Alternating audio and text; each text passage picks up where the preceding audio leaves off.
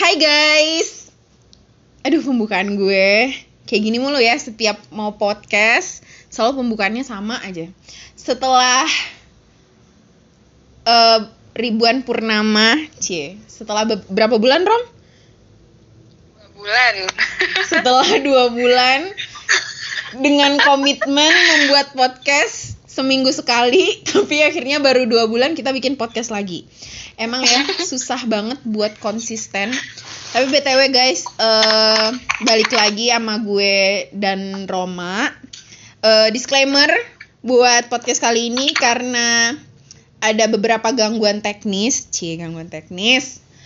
Uh, podcastnya bakal rada berisik tapi kita usahain enggak ya Rom betul betul ya banget. tapi tenang walaupun rada berisik kita gua gua sama Roma akan memanjakan telinga kali, kalian sama isu isu-isu yang luar biasa. Kita mau bahas apa sih, Rom, hari ini? Kita mau bahas tentang uh, eh, KDP atau kepanjangannya kepanjangannya itu kekerasan dalam pacaran. Oke. Okay. Um, fakta buat kalian yang dengerin podcast ini, uh, eh, gue uh, hari ini tuh riset beberapa hal tentang kekerasan dalam pacaran. Enggak, tapi hal yang sangat mencengangkan ya. Hal yang mengagetkan buat gue adalah sama riset bahwa dalam kurun waktu 12 tahun terakhir di Indonesia kekerasan terhadap perempuan itu secara umum ya meningkat sebanyak 792% atau meningkat sekitar 8 kali lipat jadi hampir meningkatnya hampir 800%. Ini gue ambil data ini dari lembar fakta dan temuan kunci catatan tahunan uh, Komnas uh, Perlindungan terhadap Kekerasan Perempuan uh, pada tahun 2020. Jadi sebenarnya fenomena uh, kekerasan terhadap perempuan itu uh, seperti gunung es yang kelihatannya itu cuma sedikit doang, tapi uh, dalam situasi yang sebenarnya kondisi perempuan Indonesia itu jauh lebih mengerikan gitu daripada data-data itu. Soalnya banyak banget korban ya Rom yang enggan untuk melapor. Soalnya apalagi ya isu yang bakal kita bahas hari ini adalah kekerasan terhadap perempuan itu uh, kekerasan eh kekerasan dalam pacaran gitu kan jadi ini kan lebih kompleks nih, ada hubungan kasih atau alias hubungan bucin di antara korban sama pelaku gitu. Mungkin hari ini eh, Roma eh, bakal menjelaskan eh, lebih jauh dari sisi sosial. Nah, mungkin gue mungkin dari sisi hukum gitu. Menurut lu gimana Rom melihat untuk untuk awal podcast ini uh, menurut lu gimana sih melihat kekerasan uh, dalam pacaran ini? Kalau kalau gue ya, uh, kalau ngomongin tentang kekerasan dalam pacaran atau violence dating tuh biasanya selalu apa ya kenapa orang-orang atau enggak korban-korban dalam kekerasan dalam pacaran itu split untuk uh, melapor gitu kan. Pertama sebenarnya ya kita nggak bisa bilang juga bahwa korban tuh nggak ngelapor. Maksudnya ada aja gitu kan korban yang ngelapor gitu entah hmm. itu ke Komnas Perempuan atau nggak mungkin ke hmm. pihak-pihak yang apa ya yang memiliki kewajiban untuk maksudnya menyelesaikan masalah itu. Pasti ada cuman kan hmm. memang uh, payung hukumnya itu sendiri gitu kan khusus untuk kekerasan dalam pacaran ini tuh kadang nggak berpihak sama hmm. korban hmm. kayak gitu hmm. kan kalau misalnya ngomongin kekerasan ya ur nggak nggak hmm. hanya kekerasan fisik aja gitu karena yang gua yang gua tahu dan yang yang gua pikir pun gitu hmm. kekerasan dalam pacaran itu banyak uh, jenisnya gitu yeah. kekerasannya bisa kekerasan fisik itu biasanya sih kayak mukul terus hmm. uh, nendang pokoknya hmm. tindakan fisik lah terus hmm. juga ada kekerasan psikologis kayak misalnya si salah satu pasangannya itu ngancem terus hmm. juga uh, manggil dengan sebutan buruk terus hmm. mencaci maki menjelekan kayak gitu gitu kan termasuk kekerasan juga kan ya, menghina terus juga gitu ya. ada kekerasan seksual yang hmm. di mana kayak maksudnya pasangan salah satu pasangan itu uh, mencoba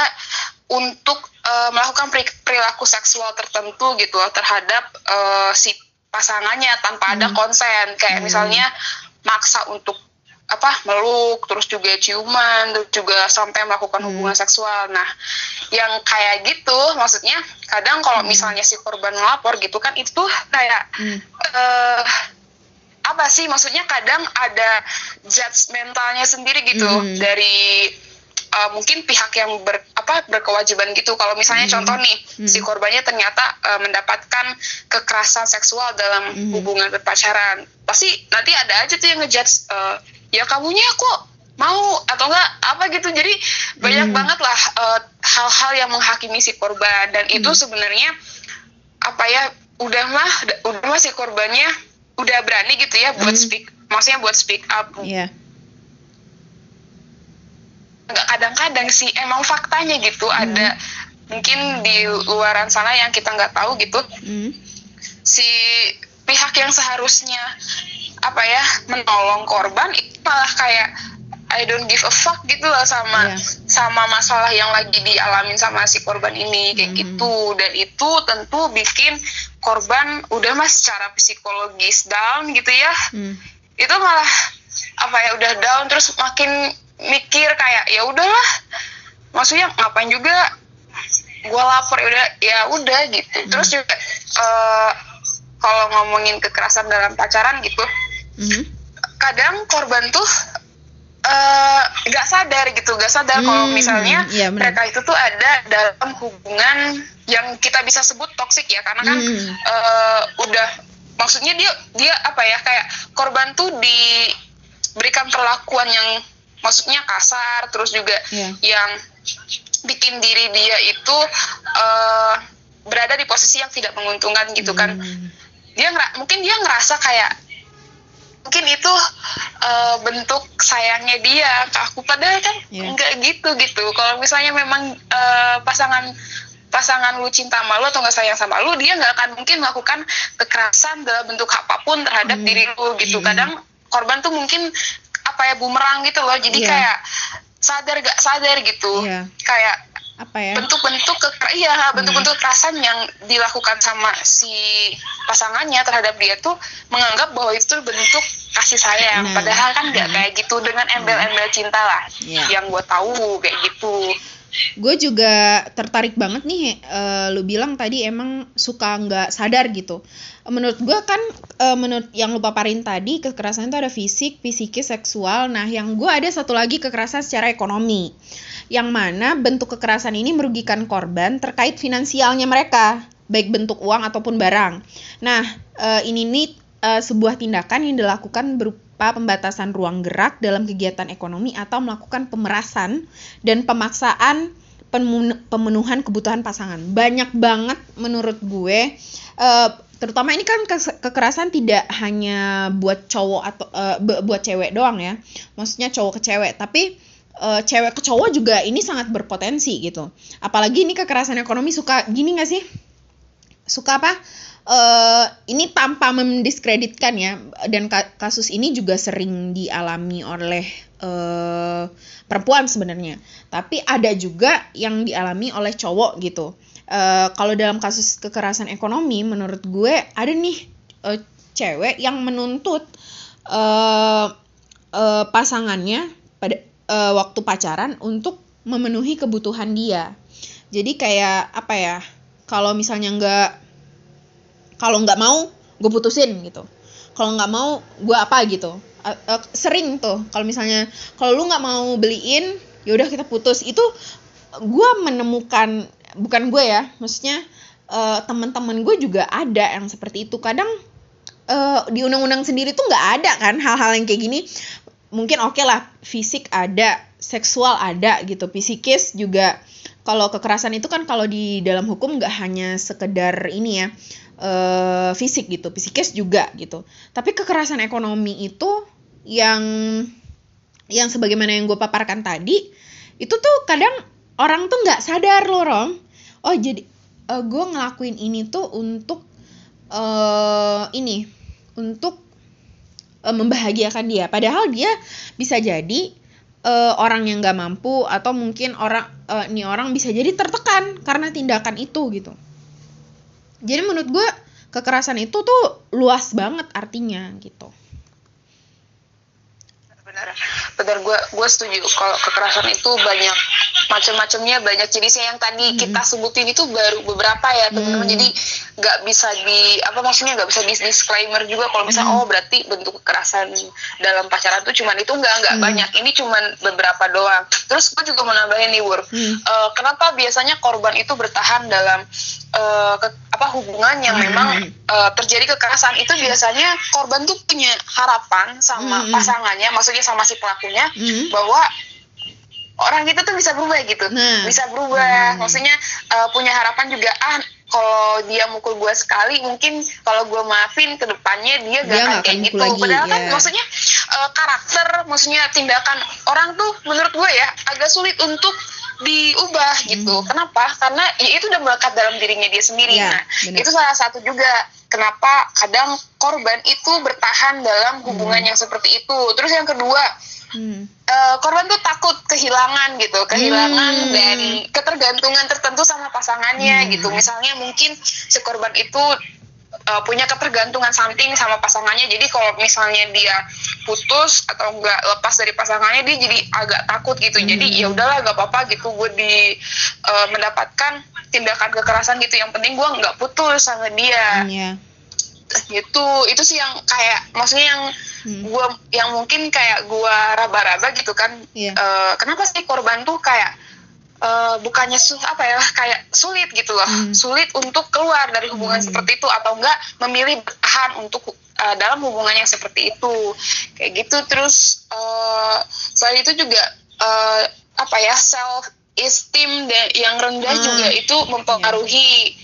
Si takut ini ya untuk, takut nggak hmm. ada ih takut nggak dapet lagi gitu takut ih iya, cuman dia bener. yang sayang sama gue gitu takut betul uh, uh, takut nggak bisa dapet yang lebih baik gitu kan betul hmm. betul betul yeah, betul I know it. kayak gitu jadi memang uh, apa ya komitmen hmm. emosional itu ya itu hmm. tuh sangat punya peranan yang penting banget gitu hmm. dalam memang dalam sebuah hubungan apalagi kalau misalnya udah ngena uh, self esteemnya seseorang kan itu kayak hmm. buat ngelepasin tuh susah gitu yeah gue tertarik banget nih sama alasan yang pertama tadi uh, untuk ngerubah orang gitu uh, gue selalu ya cari partner cie partner uh, pacar lah ya uh, nyebutnya uh, itu selalu orang yang gue yang selalu tipe gue gitu. Kalau misalnya gue berusaha seperti itu ya rom. Maksudnya gue nggak mau cari pacar yang gue ekspektasikan dia akan seperti apa. Jadi gini oke okay, gue misalnya cari pacar yang penyabar gitu. Pengen cari pacar uh, atau partner lah partner yang penyabar gitu. Terus gue ya udah gue akan cari partner yang penyabar yang udah punya sifat penyabar gitu bukan cari partner yang pemarah lalu kita andai-andaikan di dalam pikiran kita suatu saat kalau dia semakin dewasa atau kalau kita kasih kelembutan dia akan sabar gitu. Menurut gue setiap sifat seseorang itu tumbuh dari uh, uh, sifat seseorang itu ter, terbentuk dari lingkungannya dia. Bak akan sangat susah sekali kalau misalnya kita mengharapkan seseorang berubah, apalagi sifat. Kan sifat itu kan pasti terbentuknya bertahap dong. Nggak mungkin kita lahir tiba-tiba jadi orang yang penyabar gitu. Nggak mungkin seseorang akan jadi se punya kepribadiannya penyabar itu pasti gara-gara uh, rangkaian kehidupannya dia. Jadi jangan ini deh kasarnya gini. Lu jangan berandai-andai dia akan berubah hanya karena lu. Jadi lu jangan berandai-andai kalau uh, apa? Jadi cintai orang yang already uh, punya sesuai dengan settingan lu. Jangan pernah merubah orang lain gitu. Uh, ya udah cintai orang yang benar-benar udah apa ya udah sesuai dengan ekspektasi lu. Jangan mencintai orang yang akan uh, seperti ekspektasi lu. Karena lu yakin dia akan berubah hanya karena diri lu gitu. Gitu sih menurut gue benar-benar gue gue setuju sama statement lu. Jadi ya kalaupun misalnya kalian eh, gue nggak tahu sih siapa pun yang ngedenger ini kalau kalau misalnya kalian ada dan sadar kalau kalian ada di dalam uh, hubungan pacaran yang mendapatkan kekerasan kalian harus pikir lagi gitu. Apakah iya alasan dengan kalian berharap gitu ya? Mm-hmm. pasangan kalian bisa berubah gitu ke depannya?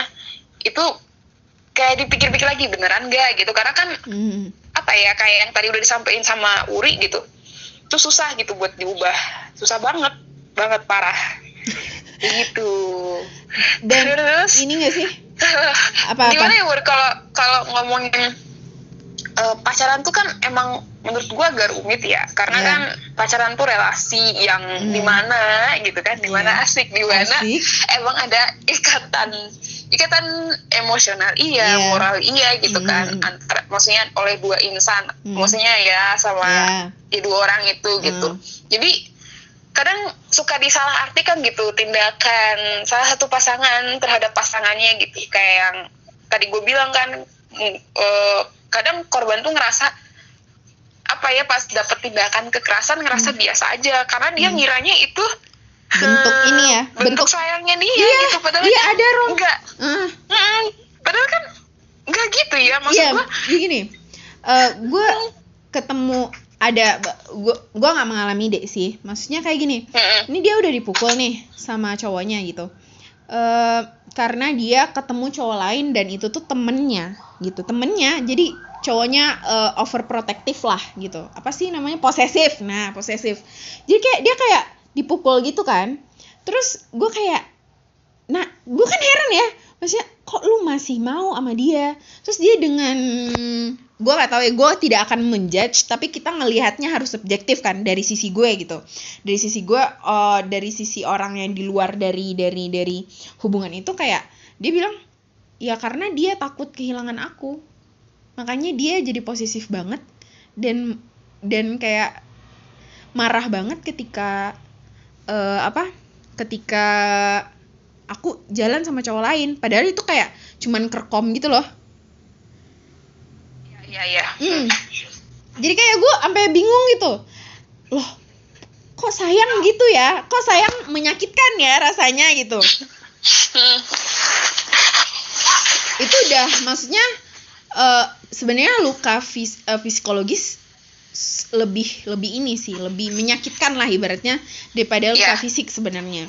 Tapi menurut gue kayak udah nyampe main tangan itu tuh udah kalau dari dari dari sisi gue ya maksudnya dari kan Hmm. bukan dari korban ataupun pelaku gue udah kayak apaan? gitu. Apa sih yang mau dipertahankan? Gitu kalau menurut gue. Bener, karena gini ya, kalau kalau menurut gue ya, hmm. eh, ka- namanya cinta lebih banget ya, maksudnya namanya Hmm. sayang Iya, gitu iya, ya, iya. pasti nggak akan nggak akan sampai setega itulah Hmm. untuk ngelakuin tindakan kekerasan Hmm. gitu kan. Jadi kalau misalnya dia udah ngelakuin tindakan kekerasan itu dalam bentuk Hmm. apa pun itu Hmm. perlu ditanyain gitu Hmm. apa ya itu cinta Hmm. Kan Dan dipikir-pikir lagi gitu dan bertanya kepada orang terdekat. Nih gini deh, temen-temen lu nggak akan mungkin ngejerumusin lu karena ini ini deh.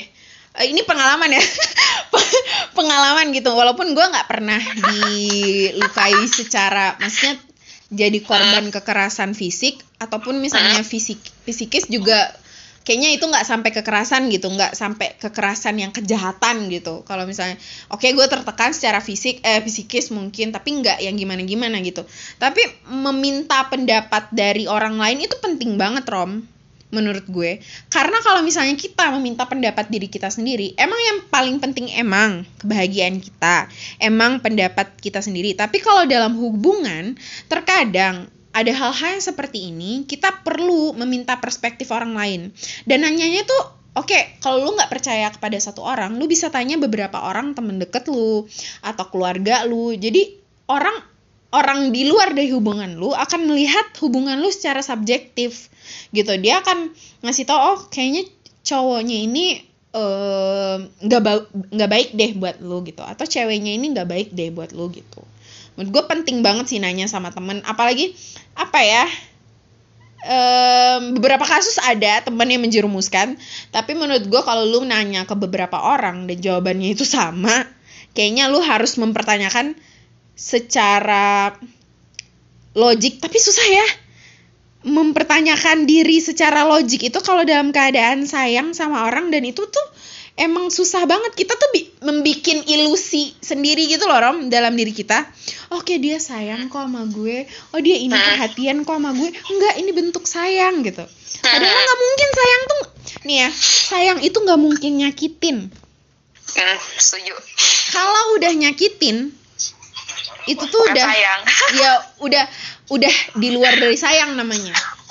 Iya. gitu menurut gue Betul, betul banget. Terus kalau menurut gue ya, Hmm. kayak eh, misalnya contoh kayak yang teman lu itu, gue nggak tahu siapa gitu Hmm. kan, yang Sensor, sensor. maksudnya cuman kerja kelompok sama temannya gitu, Hmm. terus eh, pasangannya cemburu, itu kayak excuse banget, sumpah. Masa Hmm. apa ya kayak masa alasan atau nggak pengakuan kalau misalnya pasangannya cemburu terus dia boleh gitu buat ngelakuin kekerasan Hmm. apalagi sampai mukul kan kayak Hmm.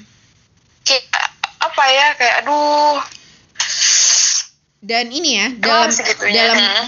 da- eh, ini gue nggak tahu kasus nyata apa enggak tapi gue pernah Hmm. denger gitu ada orang seorang perempuan yang bergantung kepada laki-lakinya itu di secara finansial gue pernah dengar cerita ini entah di YouTube atau di mana eh, bergantung kepada cowok ini secara finansial sehingga apa ya kayak menggantungkan hidup dalam tanda kutip ke cowok ini gitu. Jadi dia kayak ya udah kalau misalnya cowoknya mukul atau menganiaya dia dia kayak ya udah kalau misalnya gue juga kalau gue nggak kalau dia misalnya pergi dalam hidup gue gue nggak bisa apa-apa gitu. Kita nggak dia nggak mandiri. Dan di rumah tangga sering loh rom hal ini terjadi.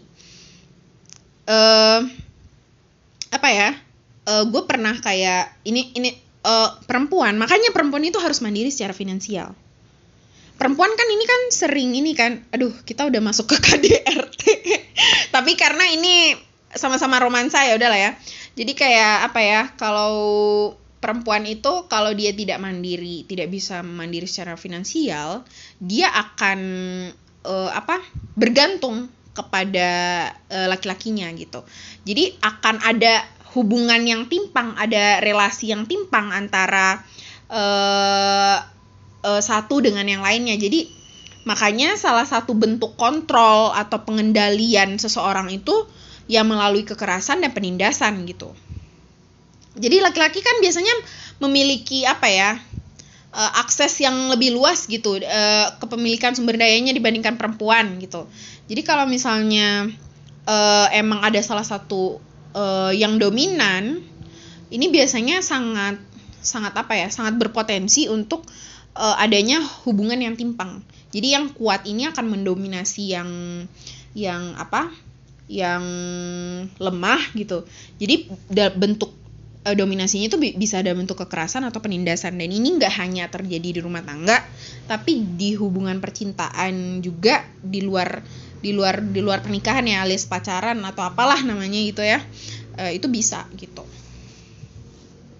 ya benar-benar gue setuju tapi eh maksud eh, kalau apa ya kalau gue pengen nyampein ke teman-teman yang dengerin gitu bahwa bukan berarti lu nggak bisa keluar dalam eh, hubungan yang memang terjadi kekerasan itu Hmm.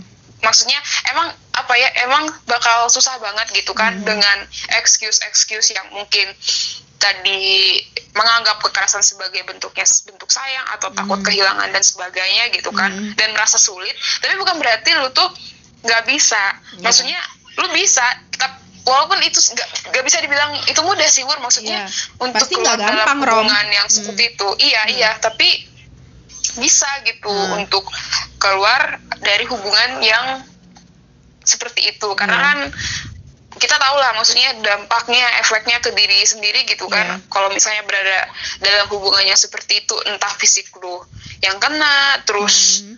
s- apa psikis lu ah, parah banget kan kalau misalnya udah kena Hmm. psikis tuh sembuhnya tuh lama iya, dibandingkan luka fisik gitu nih mungkin ini gue mau nambahin sedikit informasi aja sih Hmm.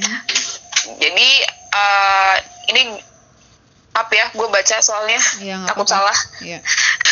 Gak apa-apa. jadi ada penelitian yang Hmm. yang nyampein bahwa sebenarnya korban kekerasan itu bisa keluar dari hubungan pacaran maksudnya Hmm. hubungan di mana pa- apa di mana hubungan tersebut tuh terjadi Hmm. tindakan kekerasan gitu Hmm. tapi ha- ada beberapa tahapan gitu Wur di Hmm. sini dia nyebutinnya eh, tahapan perilaku dari eh, transteori transte transteoretical model Hmm. model of change dari ini ini gue nggak tahu deh penelitiannya dari mana tapi Hmm.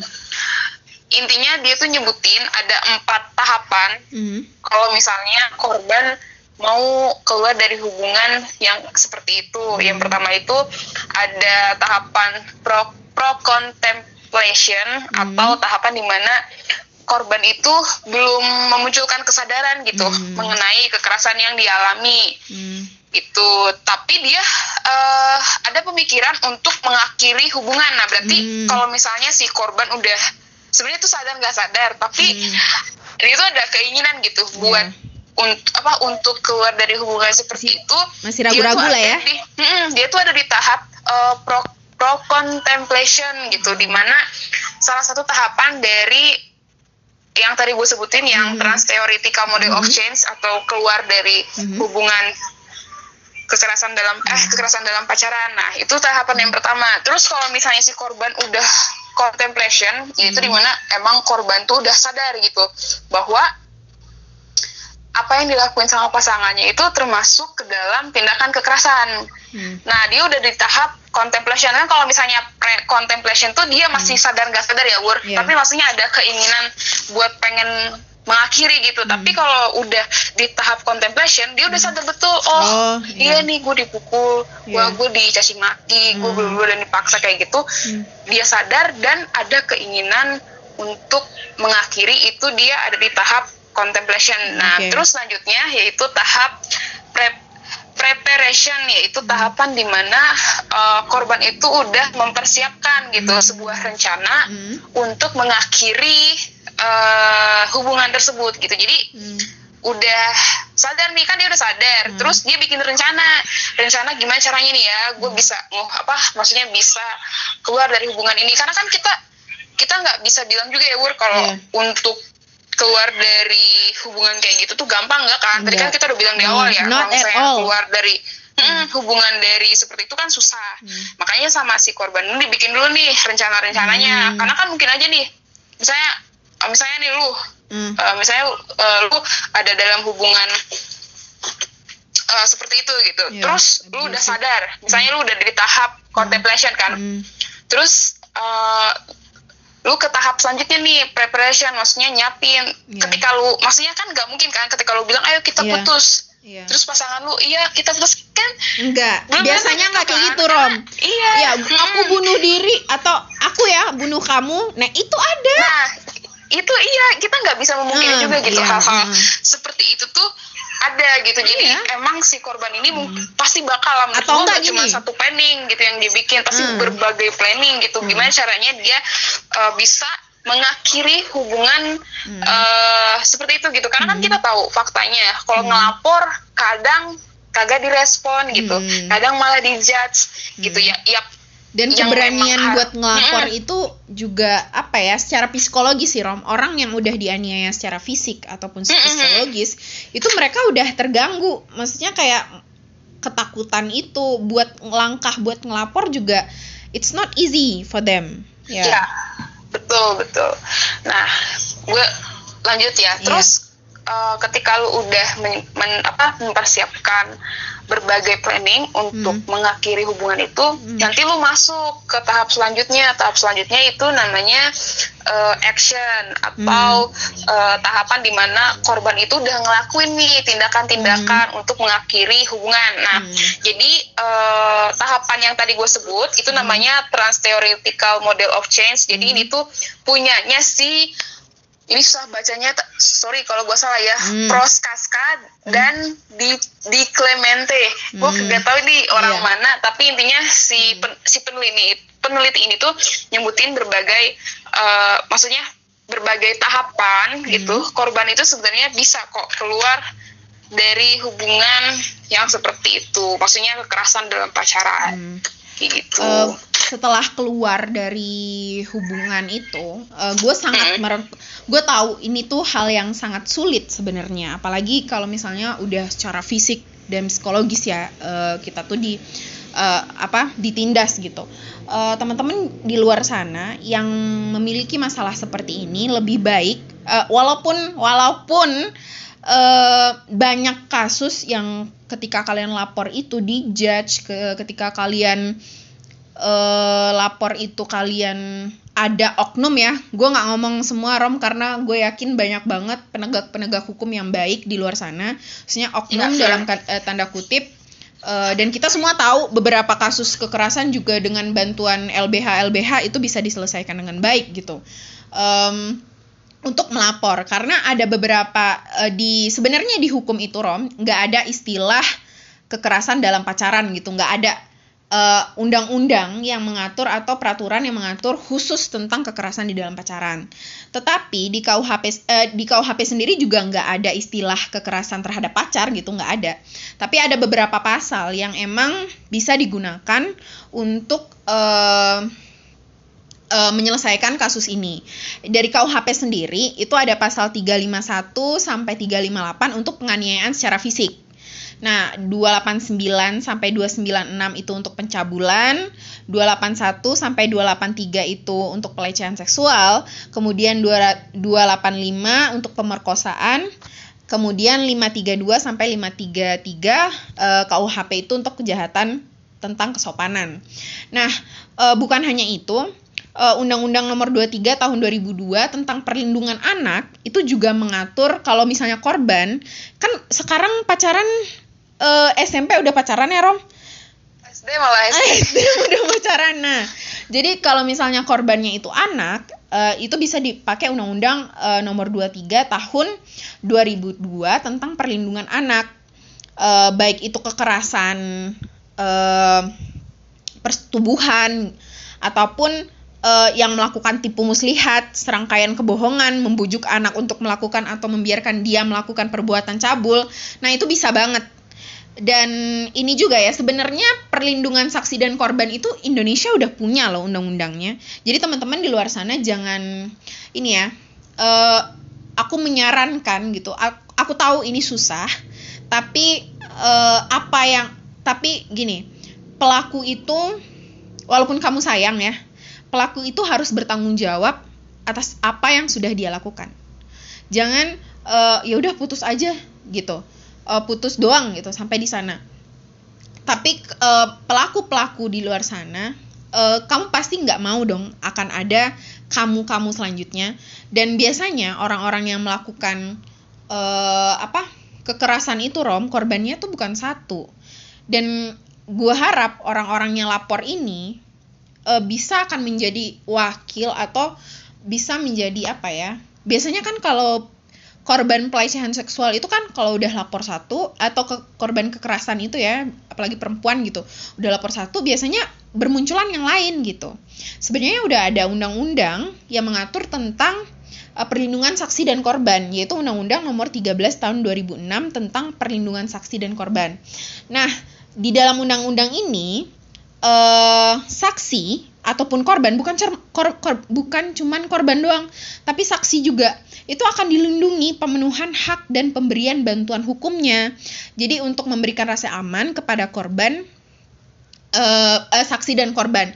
Bukan cuman saksi dan korban keluarga saksi dan korban juga ada. Jadi sebenarnya emang ada kasus-kasus banyak sekali kasus-kasus di luar sana yang tidak terungkap ataupun kasus-kasus di luar sana yang uh, ketika kita lapor malah kok kamu mau? Ih pakaian kamu begini? Ih penampilan kamu begini? Gitu. Uh, ih kamu uh, apa genit sih? Gitu. Kan sering ya kayak kayak gitu gitu. Ada oknum-oknumnya seperti itu. Tapi kembali lagi uh, gue ingin memberikan semangat sih buat teman-teman di luar sana tapi kalau misalnya emang menurut lu keluar aja udah cukup tapi menurut gue uh, pandangan tidak cukup. Karena apa? Uh, pelaku harus bertanggung jawab terhadap apa yang sudah dia lakukan terhadap diri lu. Dia nggak bisa me apa dia nggak bisa semena-mena lah ibaratnya. Cuma uh, cuman sekedar lu lepas dari itu gitu. Tapi itu kembali lagi kan pilihan kan. Gitu gue ingin Sama memberikan gue mau gue mau Hmm. nambahin ya Hmm, eh kita kan gak bisa pungkiri juga ya Wur, Hmm. maksudnya dalam kekerasan dalam pacaran itu emang mungkin hampir sebagian besar kekerasan fisik iya, Hmm. kekerasan psikis iya, tapi kekerasan seksual juga itu Hmm. emang banyak banget gitu dalam hubungan pacaran.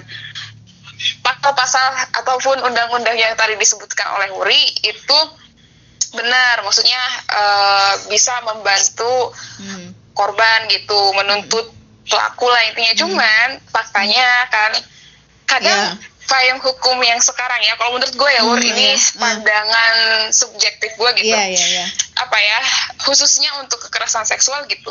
Hmm, hukum-hukum yang ada di Indonesia sekarang tuh sangat tidak berkepihakan sama Iya, korban gitu iya. karena kan kita juga harus pikirin dong maksudnya trauma-trauma terus juga Hmm. eh, apa namanya efek dari tindakan si pelaku ke si korban gitu Hmm. dan yang sangat miris adalah ketika korban udah ngelapor nih Wur Hmm. tapi eh apa ya hukuman buat si pelaku itu tuh hmm. nggak setimpal gitu Iya. dengan perbuatannya dia bahkan ada Hmm. juga kan yang kayak di apa maksudnya nggak dihukum gitu malah Iya. dibiarin aja dan Hmm. itu yang menurut gua kayak nggak adil gitu nggak Iya, adil iya. buat korban lah jelas ya kayak gitu Iya. sama ini bukannya gue promosin apa gimana Iya, tapi iya, emang iya. promosiin sih jadi Hmm, kalau menurut gue ya yang tepat banget gitu eh un- minimal lah untuk menekan tindakan Hmm, kekerasan khususnya kekerasan seksual dalam pacaran itu sahin RUU PKS. Hmm.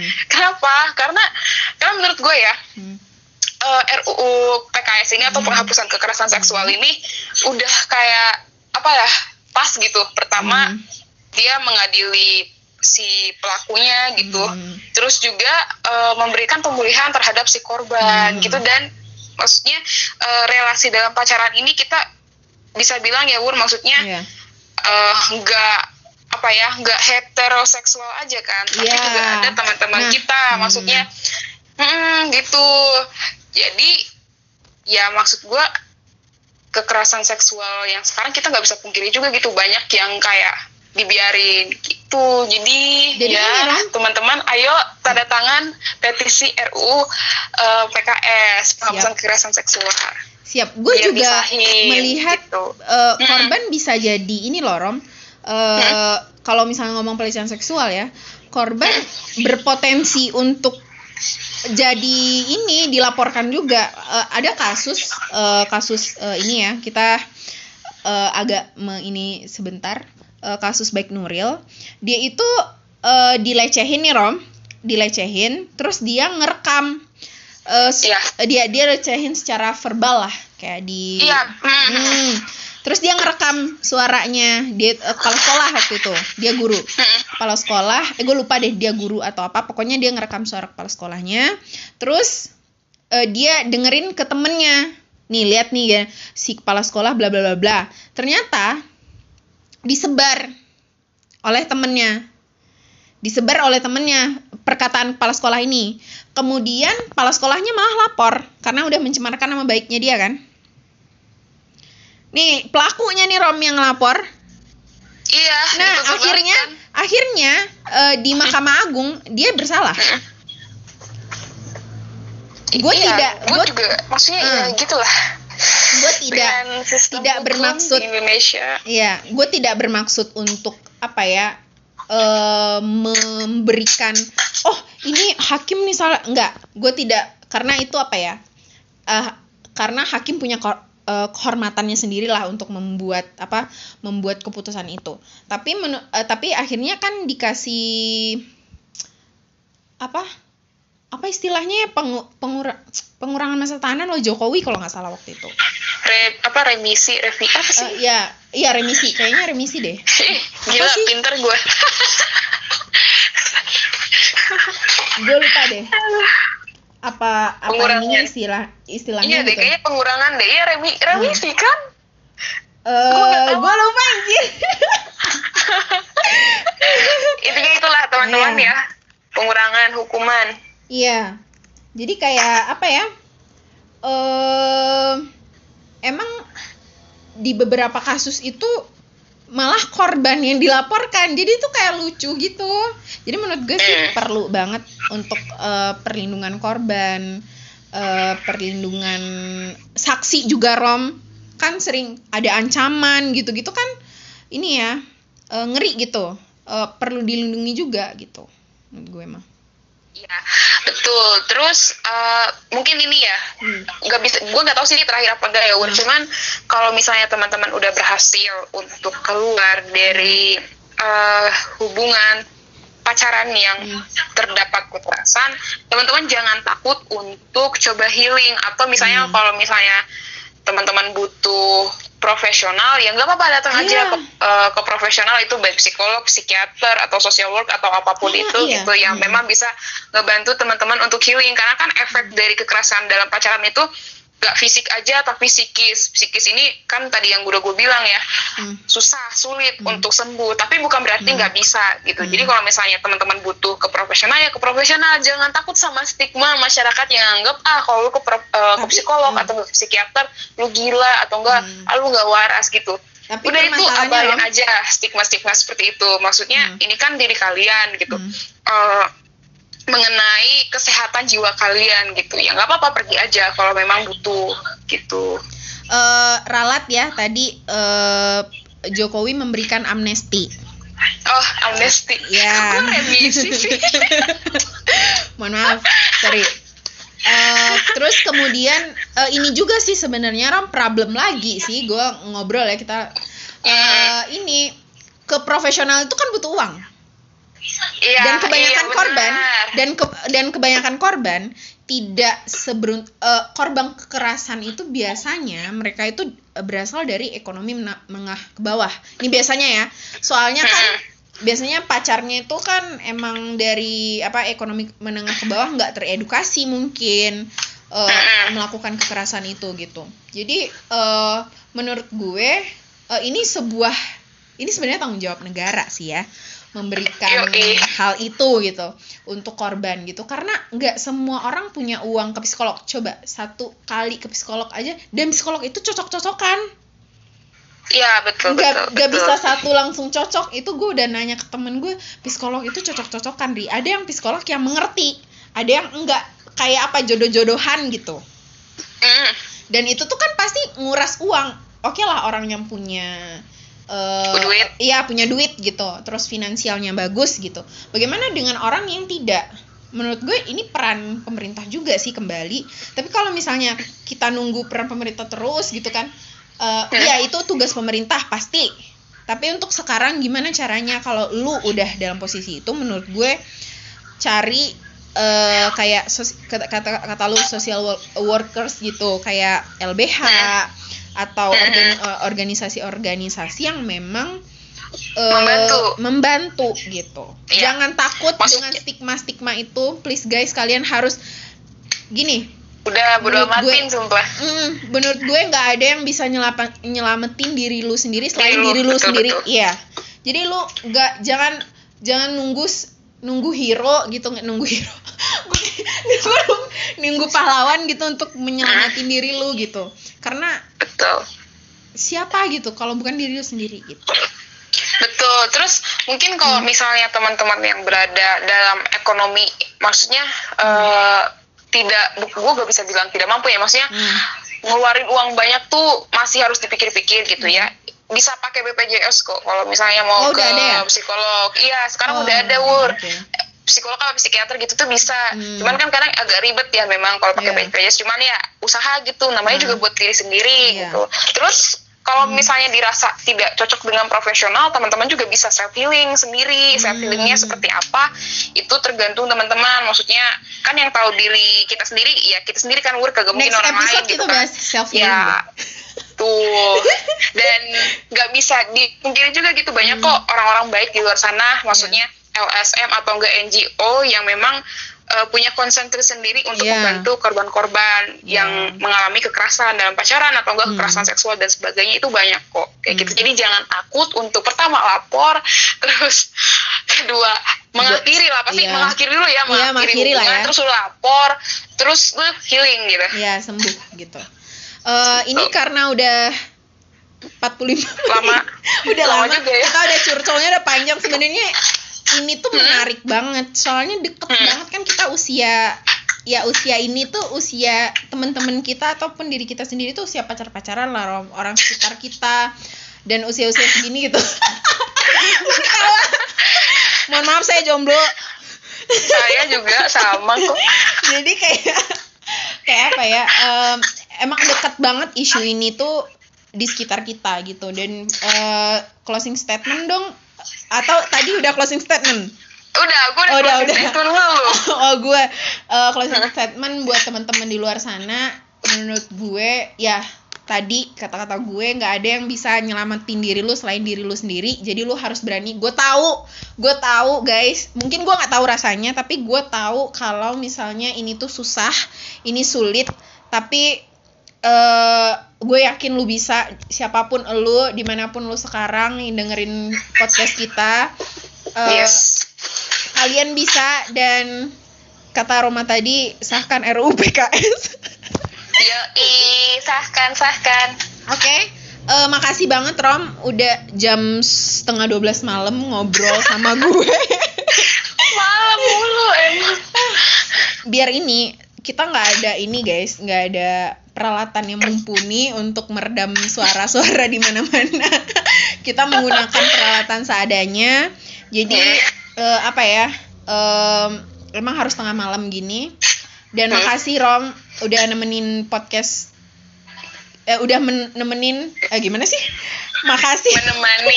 Menemani. Menemani saya. menemani gue gitu malam ini ngobrolin tentang kekerasan dalam pacaran. Makasih banget Yo, buat kalian yang thank you juga. Hmm, makasih banget juga buat kalian yang udah denger podcast kali ini. Eh, Yes, yes. selamat ketemu di topik-topik selanjutnya. Kalau misalnya yang denger ya, kalau kalau ada pertanyaan gitu bisa DM gue atau Roma. Kalau misalnya ada eh, next episode bahas ini no lah kayak banyak aja dong yang denger. Tapi kita Udah banyak butuh tahu. Maksudnya kita menurut kita banyak ya. Iya, menurut kita banyak segitu. Nggak apa-apa, nggak apa-apa. Iya, ada yang denger bacotan kita tuh Rom, ada. Dan gue makasih banget buat kalian itu buat yang udah denger gitu. Eh, udah gitu Thank aja. you. Guys, dadah. Selamat malam. Bye bye. Bye.